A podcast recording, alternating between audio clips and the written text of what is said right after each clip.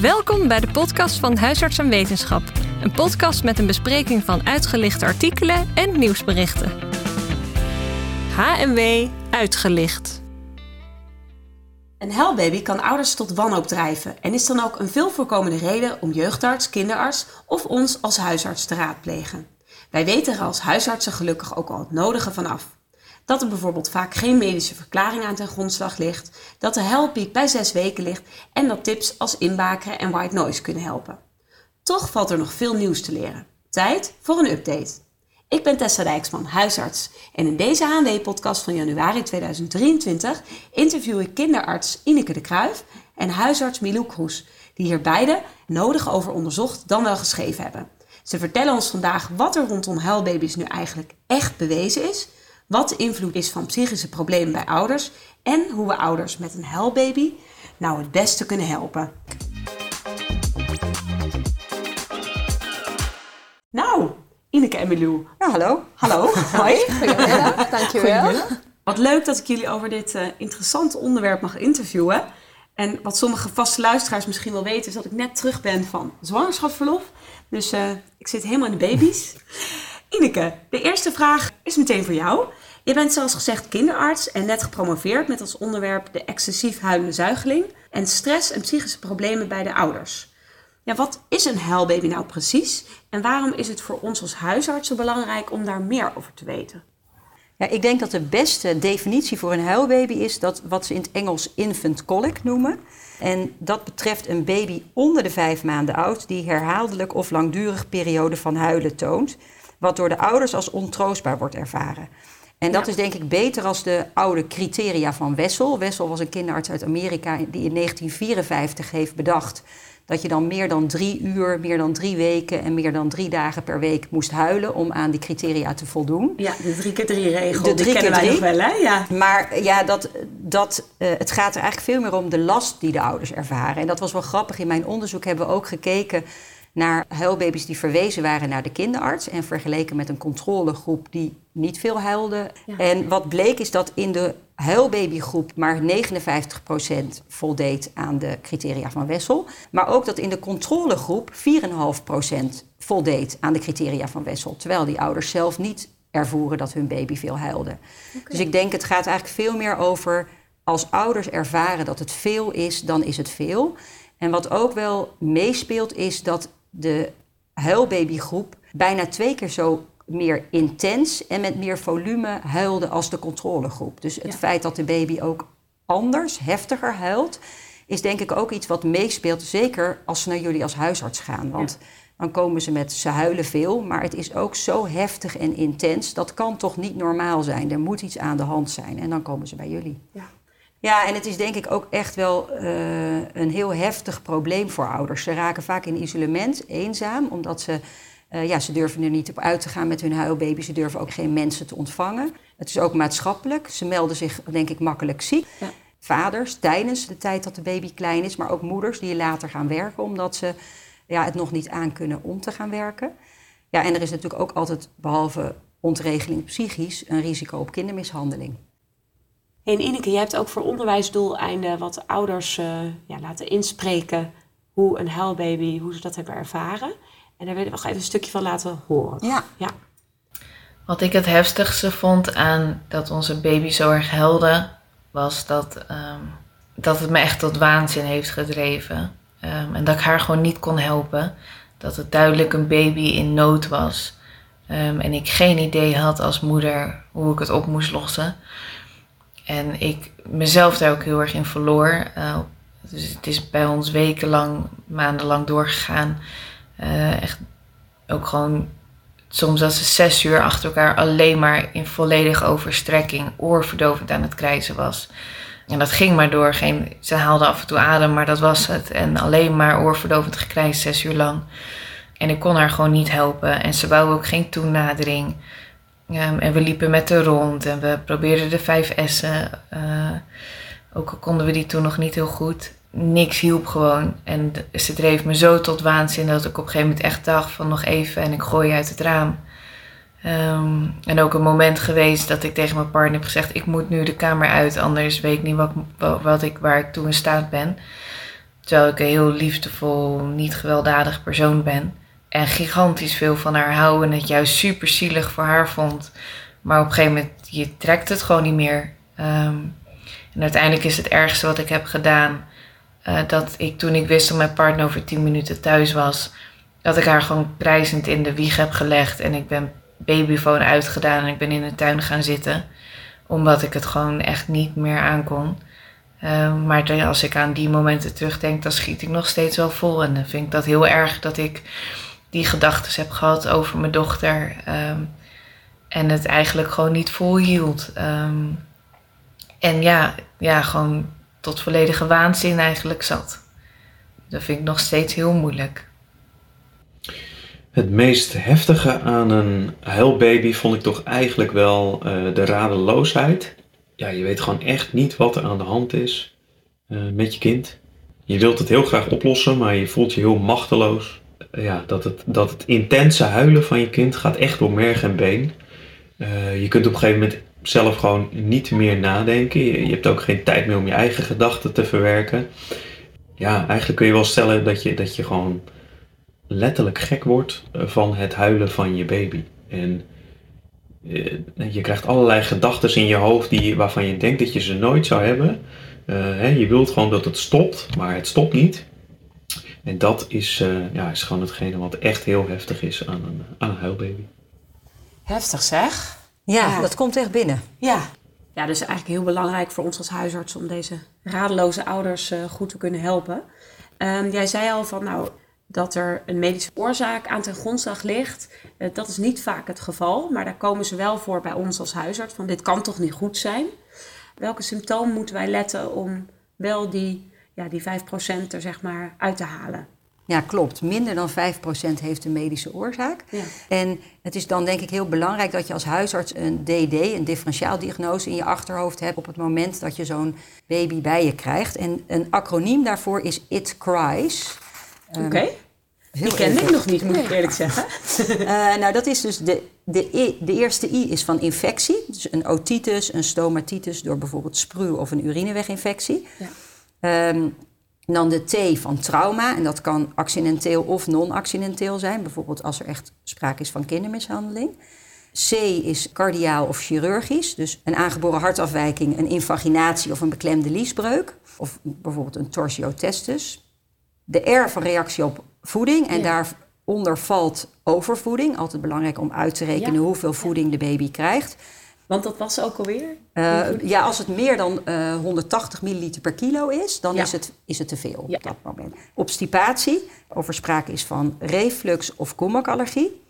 Uh, dus dat valt allemaal onder die R-reactie op voeding. Ja. En dan heb je de I van immunisatie, dus een reactie op vaccinatie en insectenbeet. Dan de E van eczeem of eye, dus oog, bijvoorbeeld een corneabeschadiging. En dan de S is uh, strangulatie. Dus dat kan een, een haartourniquet zijn, bijvoorbeeld een haar ja. die om het uh, pinkje is gedraaid. En ik denk dus als je dit als DD in je achterhoofd hebt, dan weet je waar je op moet letten. Maar dan kan je ook kijken naar bepaalde alarmsymptomen. Je hebt eigenlijk medische alarmsymptomen en meer psychosociale alarmsymptomen. En die medische alarmsymptomen zijn echt uh, de groei. Dus hoe gedijt een kind? Groeit hij goed? Uh, zijn er dysmorfieën of is er bijvoorbeeld een ontwikkelingsachterstand? Als je het kind nakijkt, is het normaal qua tonus of heeft het een, een hele, is het een hele slappe baby? Is er sprake van uh, galligbraken of bijvoorbeeld braken met bloed?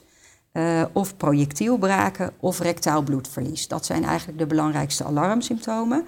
En daarnaast, als je op koemelk echt een specifieke reactie krijgt, dan is dat ook iets wat meer wijst op een koemelkallergie.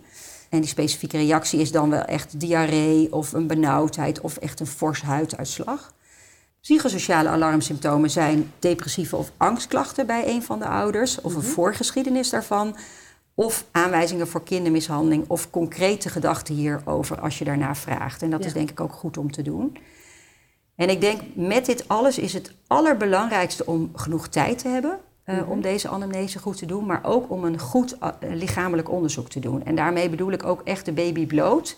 Dus in zijn luiertje te onderzoeken uh, om goed te kunnen kijken naar de huid, maar ook om goed naar het hart te kunnen luisteren, goed naar buik te kunnen onderzoeken. Ja. En dat geeft ouders ook echt de geruststelling dat er goed naar de baby wordt gekeken. Want een van de opmerkingen die ik nog wel eens heb gekregen, is dat ze zeiden van ja, er werd alleen maar over de baby gepraat die zoveel huilde. En met mij gepraat over de baby die zoveel huilde. Maar eigenlijk niemand keek echt goed naar hem. Dus dat wordt ook denk ik echt goed gewaardeerd door de ouders. Ja, ja zeker. Wij plannen dan wel 20 minuten in, maar dat is nog best kort, vind ik. Ja. nou daar had ik het ook met Milou over, want daar, daar, had jij wel een idee over, hè? Ja, ja, nee, ik denk inderdaad dat het minimaal nodig is om een dubbel consult in te plannen. Ja. En dat het eigenlijk wel heel verstandig is om binnen, de, binnen een week de ouders opnieuw terug te zien samen met het kind. Om ook te kijken hoe het gesprek is ontvangen, hoe het uh, in de tussentijd thuis is gegaan. Ja. Dan heb je in ieder geval twee keer twintig minuten. Ja. Ja. ja. Goed idee. Ja. Nee, en ik denk als er echt veel angst is bij ouders over een medische oorzaak, of als je als huisarts twijfelt, mm -hmm. dat het ook goed is om afspraken te maken met het ziekenhuis, zodat je daar korte lijnen voor hebt. Uh, en dat je eigenlijk voorkomt dat je onnodig gaat medicaliseren. Want eh, ja, ouders komen natuurlijk vaak al met allerlei verhalen uh, van het internet over verborgen reflux of allergieën. Mhm. En ja, lijden flink en kunnen dus ook echt een appel op je doen om iets te doen. en dat is best lastig, denk ik, om daar uh, tegen bestand te zijn. Dus gebruik daarvoor dan ook de kinderartsen, denk ik, om ja, goede afspraken te maken dat zij op dat stuk makkelijk mee kunnen kijken. Ja. Ja, want dat zou fijn zijn. Dat is soms een beetje de angst, tenminste bij mijzelf, maar misschien ook wel bij meer huisartsen, dat als je dan verwijst naar de kinderarts, dat er misschien ook meteen bloed wordt geprikt, allerlei dingen worden gedaan. Terwijl je misschien zelf wel denkt, ik denk dat deze baby in de 95% valt zonder medische oorzaak, maar ja, ik merk wel dat ze graag meer willen. Uh, wat gebeurt er dan vervolgens bij de kinderarts? Ja. ja, en ik denk dus als je daar afspraken over maakt. En ja, wij hebben dat dan in onze regio echt georganiseerd samen met de huisartsen en de jeugdartsen. Dat we daar een speciale poli voor hebben. Ja, super. Waar ze dan ook zeg maar binnen drie werkdagen een afspraak krijgen. Uh, en dat zijn dan ook ervaren kinderartsen die dat spreekuur doen samen met een medisch-pedagogisch zorgverlener. Zodat je ja, niet alleen die medische angel eruit kan halen, maar dat die zorgverlener ook gelijk kan kijken van wat voor troosttechnieken gebruiken jullie. Gebruiken jullie bijvoorbeeld inbaken of kunnen we nog dingen toevoegen? Ja. ja, dan heb je eigenlijk ouders vaak heel erg gerustgesteld. En dan kunnen we ze ook heel snel weer terugsturen naar jullie, naar de huisarts, om het verder uh, traject te doorlopen. Want het is natuurlijk ook vaak niet meteen over. Nee, helaas. Hè? Nee. En doen jullie dan nog aanvullend onderzoek of valt dat mee? Is dat niet nou, nodig? Eigenlijk is het enige wat, wat, nog in de richtlijn staat, is dat je een urine moet nakijken. Dus dat mhm. is ook iets wat jullie kunnen doen als huisartsen. Maar dat is ook als dat niet gedaan wordt, kunnen wij dat doen. Om een urineweginfectie uit te sluiten. Maar verder doen wij eigenlijk geen, bij een goed gedijende zuigeling, waarbij er geen alarmsymptomen zijn en een normaal lichamelijk onderzoek, doen wij verder geen aanvullend onderzoek. Kijk, dat is ook geruststellend. ja. ja. Nou, dus je hebt een heleboel goede dingen gezegd. Ga even kijken of ik het kan samenvatten. Dus bij een huilbaby, om de medische dingen uit te sluiten, is het acroniem IT Cries. Nou, die zal ik ook allemaal even in de show notes zetten. Dan zijn er verder nog een aantal alarmsymptomen. Nou, die kennen we denk ik allemaal wel. En vooral ook de psychosociale alarmsymptomen. Dus een depressie of angstklacht bij een van de ouders. En korte lijntjes met de kinderartsen in de buurt zou fijn zijn. Ja. En wellicht dus Milou jouw tip, twee keer 20 minuten. Ja. ja. Ik denk dat je ook op moet passen om te makkelijk te zeggen: het gaat vanzelf weer over. Want dat hoor ik heel vaak uh, terug. Dat ze zeggen: ja, toen zei de huisarts: het gaat vanzelf weer over. Maar ja, ze zitten er wel mee. Dus ik denk dat het belangrijk is uit te stralen dat je ze echt serieus neemt. Dat je goed naar hun verhaal ja. uh, luistert. En dat je ook wel kan schetsen van wat je verwacht als het beloopt. Dus dat je ook kan zeggen: nou, het gaat uiteindelijk vanzelf over. Maar de komende weken zal, zal uw baby nog heel veel huilen. En hoe gaat u daarmee om? Ja geen valse verwachtingen schept in ieder geval. Precies, ja, Nou, mooi uitgelegd. Dan gaan we naar vraag 3. Want als ik het goed begrijp is dus die 95% valt eigenlijk onder normaal huilgedrag. Daar is soms ook weinig over bekend bij ouders. Uh, Milou, jij bent huisarts in Nijmegen en je hebt toen ook een folder opgesteld voor zorgprofessionals, ouders en ouders van huilbaby's. Wat is nou het belangrijkste om uit te leggen voor ons in de eerste lijn over dat normale huilgedrag? Uh, wat ik in ieder geval aan de ouders uitleg is dat het uh, huilen normaal is en dat dit bij iedere baby voorkomt. Um, en vooral hè, die eerste drie maanden dat die gewoon zwaar zijn. En dat beaam ik ook vaak, hè, dat benoem ik nog een keer extra, dat ouders zich ook daarin goed gehoord voelen. Want ik zie toch wel vaak dat als ouders bij ons komen, hè, dat ze vaak al meerdere andere professionals hebben bezocht. Hè. Vaak zijn ze al op een consultatiebureau geweest en komen ze dan bij ons en zijn ze vaak al best wel hoog in hun stress, in hun spanningen. Emotie, Ja. Ja, inderdaad. Eh, vervolgens probeer ik uit te leggen wat wij zien als het normale huilpatroon. Hè. Dus dat we inderdaad kennen dat baby's vaak na de eerste week flinker gaan huilen. Dat dat oploopt tot een piek rond de 6 tot 8 weken. En dat dat huilen daarna weer wat afneemt. Totdat je eh, na drie maanden een beetje stabilisatie krijgt. En dat we vaak zien dat het huilen ook in de avonduren zich wat meer clustert. Ja. Dus dat dat allemaal ja, erbij hoort. Dat het niet minder eh, zorgen eh, creëert natuurlijk, maar dat het wel normaal is dat die baby's huilen. Eh, verder probeer ik ja, vooral eigenlijk de ouders aan het woord te laten. Wat, waar hun zorgen liggen, wat precies de vragen zijn waarmee ze op dat moment komen en wat hun wensen zijn vooral. Ook ten aanzien van het lichamelijk onderzoek. Ik doe dat altijd volledig, inderdaad, gewoon top tot teen. Maar ik zie toch wel vaak dat ouders zich ondanks dat zorgen blijven maken.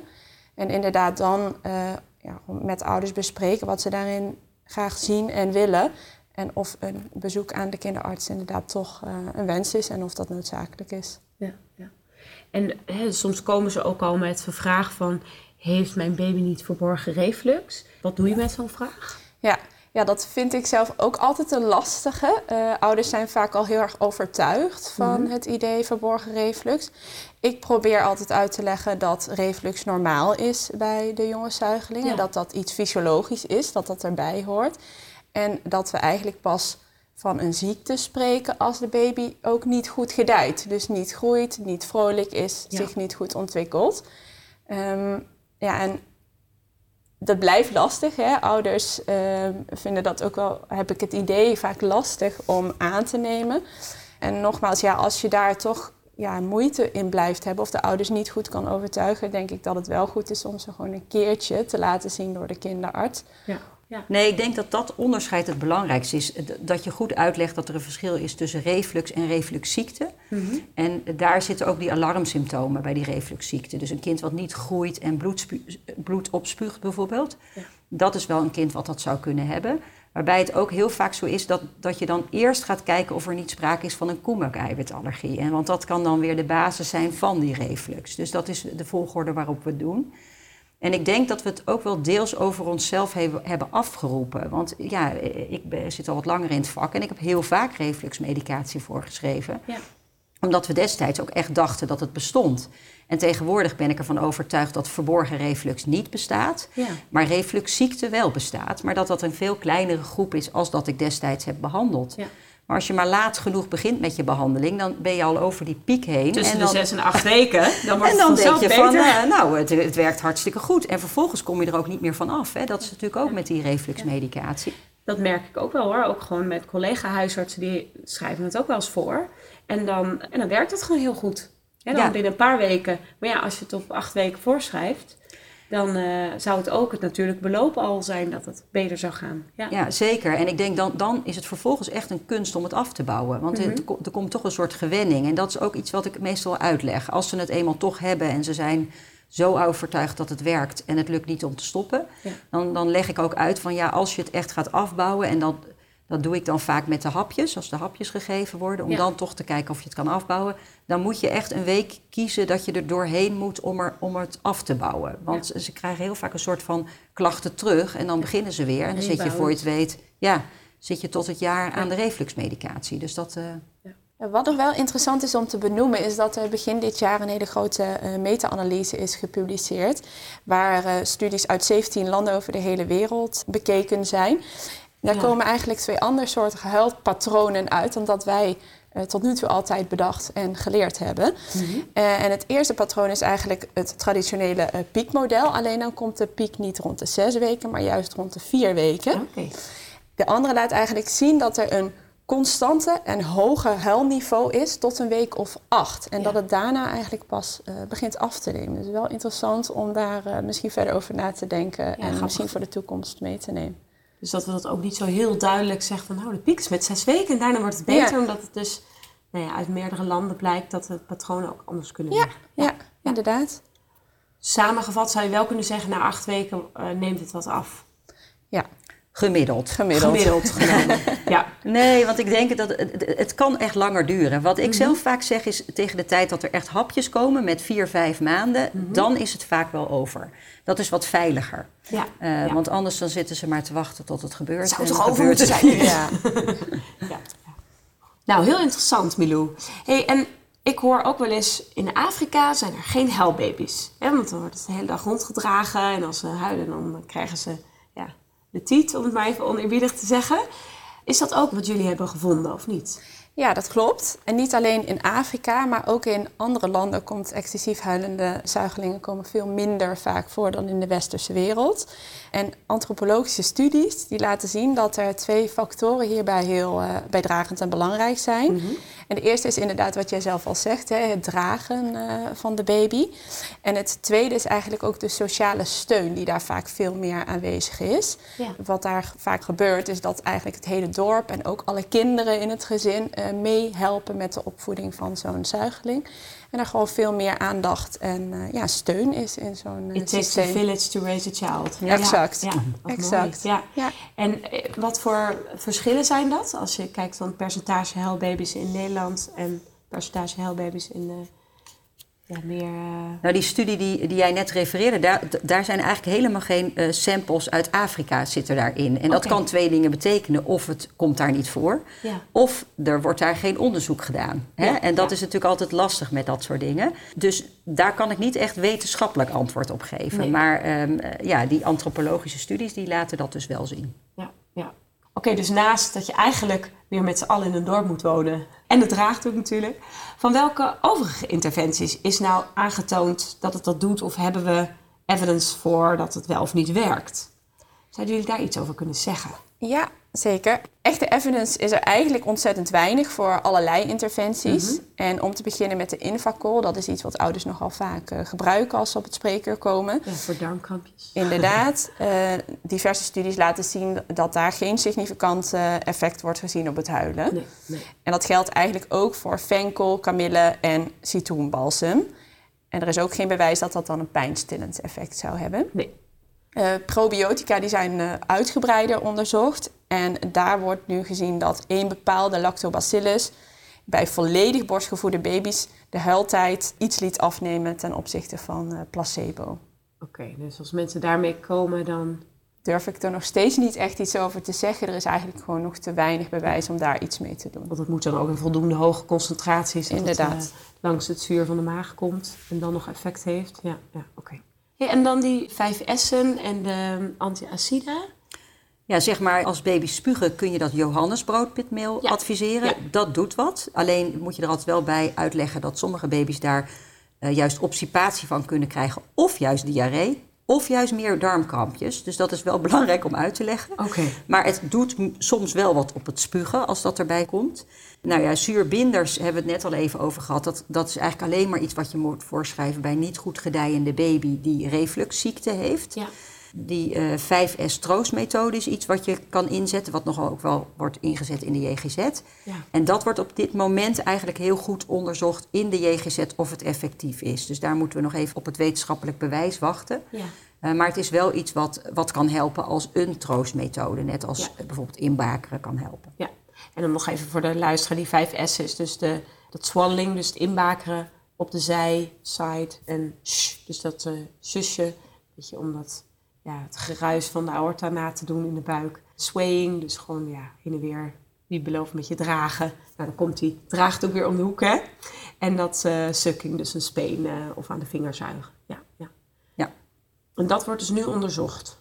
Ja, dat, daar is nu een heel groot onderzoek om te kijken naar de effectiviteit daarvan. Ja. En dat is dus ook iets waar, eh, ja, waar ouders bijvoorbeeld filmpjes van kunnen bekijken op de cyberpoly, hoe je dat moet doen. Dus dat zijn wel dingen waar je naartoe zou kunnen verwijzen als een methode die mensen kunnen mooi. gebruiken. Ja, dus eh, Cyberpoly is inderdaad een hele handige site voor, voor ouders. Om daar naartoe te verwijzen, zullen we ook even linkjes in de show notes zetten. Nou, super. Hey, en dan wilde ik eigenlijk naar jouw proefschrift gaan, eh, Ineke. Een vraag die ik me eigenlijk meteen afvroeg na het zien van jouw proefschrift. Ja, wat was er nou eerder? Het kip of het ei? Komt een huilbaby door psychische klachten bij ouders? Of geeft een huilbaby psychische klachten bij ouders? Of allebei, dat kan misschien ook. Ja, dat is een goede vraag. En dat is natuurlijk uh, allebei kan. Kijk, ik zie baby's die uh, verwezen worden naar de kinderarts met veel huilen, met superstabiele ouders die echt gewoon uh, goed netwerk eromheen hebben, maar die echt wel ontregelen op het huilen van hun kind, dus klachten krijgen. Ik kan me ook heel goed voorstellen. Ja. Um, maar andersom zie ik ook uh, ouders die ik dan al bijvoorbeeld ken vanuit de poppolie, dus toch met een bepaalde kwetsbaarheid, bijvoorbeeld een angst. Um, die vervolgens een baby krijgen die veel huilt en daarop ook ontregelen. Dus het kan eigenlijk allebei de kanten op. Uh, ik heb in mijn onderzoek wel op twee manieren gekeken. Dus ik heb zowel gekeken naar moeders met een voorgeschiedenis van psychische klachten. Kregen zij kinderen met meer klachten van uh, huilen, maar ook van reflux of obstipatie. Ja. En daarbij bleek dat, dat inderdaad die moeders met psychische klachten meer kans hadden op een baby met refluxklachten. Als je dan keek naar depressieve klachten, dan hadden die een relatie met zowel refluxklachten als veel huilen. Mm -hmm. En als je dan heel goed keek naar hoe gaat dat verband, dan ging dat verband eigenlijk altijd via bindingsproblemen. Dus het was niet direct gerelateerd, maar via bindingsproblemen. En dat vind ik heel hoopvol, want dat betekent als je iets zou kunnen doen aan die binding tussen de moeder en het kind. Die hechting, zeg maar. Ja, die hechting. Ja. Dan uh, lossen die klachten bij het kind zich ook op. En daar is tegenwoordig een stroming van, dat is de IMH, de Infant Mental Health. Ja. Waar je ook heel makkelijk naar kan verwijzen. En die echt specifiek op dat stuk, dus op die hechting, op die binding tussen een ouder en zijn kind, ja. hun therapie hebben. Ja. Nou, dat is misschien leuk voor de luisteraars. Daar hebben we ook een podcast over opgenomen, een keer met een IMH-specialist. In mei 2022 is dat gedaan. Dus wellicht is dat ook nog leuk om te luisteren. Gaat nog verder in op de ouder-baby-relatie. De ja. hechting daarin. Ja. Nee, en we hebben dus ook andersom gekeken. We hebben gekeken naar baby's die verwezen waren naar de kinderarts. En hoe ging het met die ouders? Mm -hmm. uh, en specifiek ook hoe ging het met die vaders? Want uh, over moeders is al heel veel onderzoek gedaan. En naar vaders eigenlijk veel minder. En het bleek dat die zowel die moeders als die vaders veel meer klachten hadden van stress, depressie, angst en een verminderde binding met hun baby als de controlegroep. En wat ik dan wel grappig vond bij die vaders, daarbij bleek dat een deel van die gevoelens, dus de stress en het ervaren binding, dat dat eigenlijk veel meer afhing van diezelfde klachten bij de moeder als van het huilen van de baby. Ja, ja. En ook weer heel belangrijk voor je therapie, want dat zou kunnen betekenen dat als je in zou zetten op een vermindering van stress en een verbetering van de binding van de moeder met hun baby, dat je daarmee eigenlijk ook de vaders helpt. Ja. En die angstklachten en die depressieve klachten van de vaders en de moeders, die zul je wel individueel moeten behandelen. Ja, dan heb je in ieder geval een soort twee vliegen in één klap. Ja. Twee ouders ja. in één. Ja. En wat zijn dan dingen die je zou kunnen doen om die binding uh, beter te maken met die... Uh, nou, dan kom je echt op de, op de IMH, zeg ja, maar, als vorm van therapie. En wat ook denk ik heel goed is voor jullie als huis, is als je al weet dat er een, een kwetsbaarheid zit bij de, de vader of de moeder, ja. um, dat je dan al zelfs in de zwangerschap daar al over zou kunnen beginnen en eventueel die verwijzing in gang kan zetten. Er zijn ook IMH-specialisten die al in de zwangerschap juist die behandeling opstarten. Wat gaat ook al over het ervaren van een band met je kind. Ja. Ik heb niet onderzocht hoe het is bij vaders met een voorgeschiedenis van psychiatrische klachten of psychische klachten. Maar ik weet wel dat ik laatst een vader had die een, kwam vanwege het huilen van zijn baby. En die vertelde dat dat huilen van zijn baby heel erg het pestverleden van hem opriep. Uh, dat hij zich echt weer voelde hoe hij zich voelde toen hij gepest was. Dus dat, dat was heel ja, naar. Ja. En toen hebben we ook voor die uh, specifieke vader die IMH-hulp ingezet. Dus ja. dat is wel iets wat, uh, nou, wat denk ik nog bewezen gaat worden misschien in de toekomst. En is dat ook iets wat een poppolie nog doet, die, die verwijzingen? Ja, zeker. Ja. Ja. op de poppolie, met name wat we weten nu uit wetenschappelijk onderzoek... is dat angst heel sterk gerelateerd is met het hebben van een huilbaby. Okay. Bij moeders is dat onderzocht. En bij vaders is onderzocht uit dat hele grote Generation R-cohort in Rotterdam... dat het hebben van een depressie als vader meer kans geeft op het krijgen van een huilbaby. Ja. Um, dus dat zijn wel de specifieke groepen. Um, waar je in de ideale wereld een, een prenataal huisbezoek voor zou organiseren... waarbij ze dan in kunnen gaan op, op normaal gedrag van een baby... en wat te doen als het anders is. Ja. ja. Ik hoorde van de consultatiebureauartsen ook dat ze heel blij zijn dat ze heel veel moeders al zien nu met de 22 weken prik ja. uh, voor de kinkhoest. Ja. En dat ze soms ook al eerder uh, iets kunnen doen. Ja, ja, ja dat prenataal huisbezoek is nu verplicht hè, in alle gemeentes dat ze dat kunnen aanbieden mm -hmm. bij groepen. Ja. En die kinkhoestvaccinatie krijgt natuurlijk iedereen. Dus ja, ik denk zelf dat, dat je eigenlijk een prenataal huisbezoek zou moeten aanraden bij iedereen. Want je weet natuurlijk niet van tevoren of je een huilbaby al dan niet krijgt. Nee. Je hebt bepaalde kwetsbare groepen misschien met meer kans. Maar wat ik zei, het kan iedereen overkomen. En dan is het gewoon fijn dat je weet wat je zou kunnen doen als Ja, dat zo zeker. is. Ja, iedereen kan natuurlijk kinderen krijgen terwijl je veel een rijexamen en een theorie-examen moet doen. Maar dit eh, gebeurt gewoon. En Ja. dan pas als er problemen zijn, dan komen er hulpverleners de Ja, ja. ja, Het zou een goede zijn, ja. Oké, en ik begreep dat jouw promovenda nu ook onderzoek heeft gedaan naar huilbaby's in de COVID-periode. Die we natuurlijk net, nou ja, of achter de rug hebben of nog middenin zitten. Kun je daar wat over vertellen? Jazeker, ja, dat was wel interessant. We hebben eigenlijk gekeken naar een groep ouders met een huilbaby voor de COVID-pandemie en tijdens de COVID-pandemie die naar de kinderarts kwamen. Ja. En het bleek dat tijdens de pandemie de moeders van de huilbaby's meer depressieve klachten aangaven als voor de pandemie. Maar wat wel grappig is, we hebben ook dat ernaast gelegd van hoe vaak bezoeken ze nu de kinderarts. Dus hoe vaak komen ze voor een consult en hoe vaak worden ze opgenomen. En daarbij bleek dat er in de COVID-pandemie 34% vaker opnames waren en 36% vaker polykliniekbezoeken vanwege het huilen. Zo. Eh, en wat wij denken is dat die sociale steun, dat dat de crux is. Dat dat heel belangrijk is bij het hebben van een huilbaby. En omdat er meer stress was tijdens de pandemie en minder sociale steun, dat ouders daardoor Minder opa's en oma's. Ja, Laten we even daar- die heel belangrijk Zeker, ja. Ja. En dat ouders daardoor eh, ja, minder draagkracht hadden en eerder bij de kinderarts kwamen, vermoedelijk ook bij jullie als huisarts. Ja. Nee, en ik denk dat het belang van sociale steun is, is echt, eh, dat is denk ik een van de belangrijkste dingen om te bespreken. En eh, daar heerst ook best een taboe op. Hè? En dat is natuurlijk ook wel een beetje deze cultuur. Het moet allemaal roze wolk zijn, Instagram, mooie verhalen en mooie Ja. praatjes. Dus er zit best een drempel bij ouders om echt hulp te vragen. En ik denk dat het goed is om daar ook op in te gaan. Van, nou ja, wie heb je in de omgeving? Eh, wat voor drempel ervaar je? En het is ook echt heel zwaar. Dat is een hele belangrijke ook voor jullie als huisarts. Ja, wat een goeie. Ook complimenteren dat ze dus al wel hulp hebben gezocht. Want ze zitten tenslotte voor je. Ja, ja, ja. ja, ja. super. En Milou, had ik nog een vraag voor jou. Naast, je, die folder die je natuurlijk hebt gemaakt, zit je, ben je ook aangesloten bij een nascholingscyclus voor JGZ-artsen, huisartsen en kinderartsen. We hadden het eerder al een beetje over de interdisciplinaire samenwerking. Wat zou jouw ideale samenwerking nu zijn rondom huilbaby's? Ja, wat mij het mooist zou lijken is als er al prenataal bij de verloskundige informatie in ieder geval wordt meegegeven aan ouders of het liefst mondeling wordt doorgegeven eh, over het normale huilpatroon bij baby's. En ik denk dat het daarna met name van belang is dat er per regio gewoon goede afspraken worden gemaakt tussen de jeugdartsen, huisartsen en kinderartsen wie welk deel van de zorg oppakt. Ja, want als ik naar mezelf kijk, maar volgens mij geldt het wel voor meer huisartsen, je wil gewoon weten, oké, waar moet ik iemand naartoe verwijzen?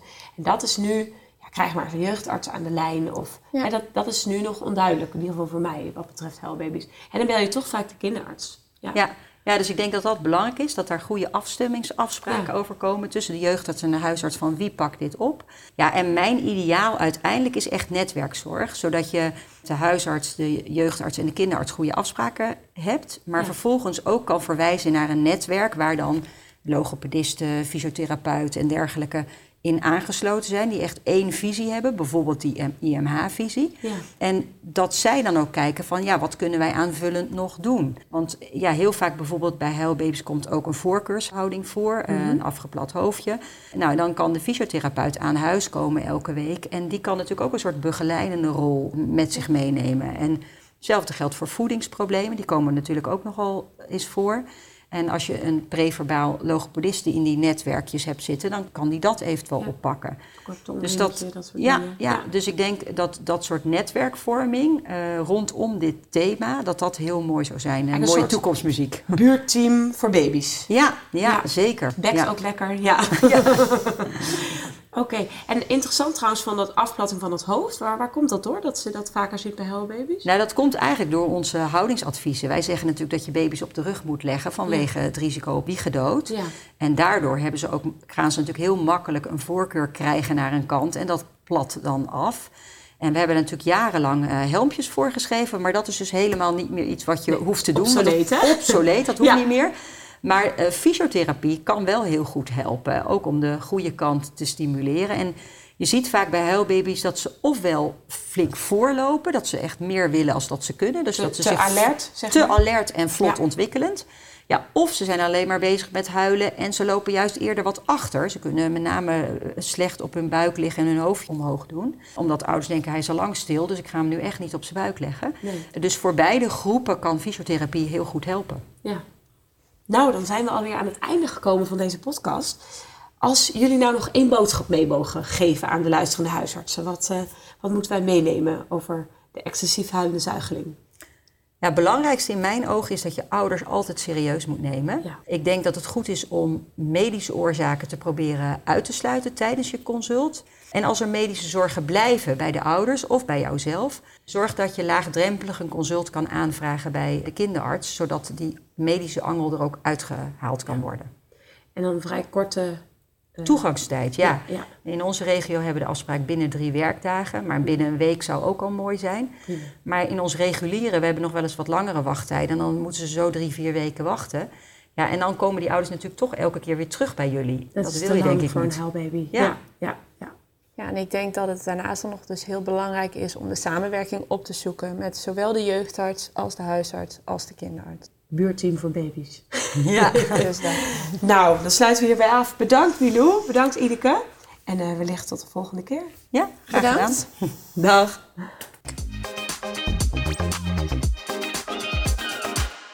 Je luisterde naar een interview met kinderarts Ineke de Kruijf en huisarts Milou Kroes over de nieuwe evidence met betrekking tot huilbaby's voor het HNW-nummer van januari 2023. Ik ben Tessa Dijksman. Tot de volgende keer. Bedankt voor het luisteren. Kijk voor meer informatie op hnw.org en op huisartspodcast.nl.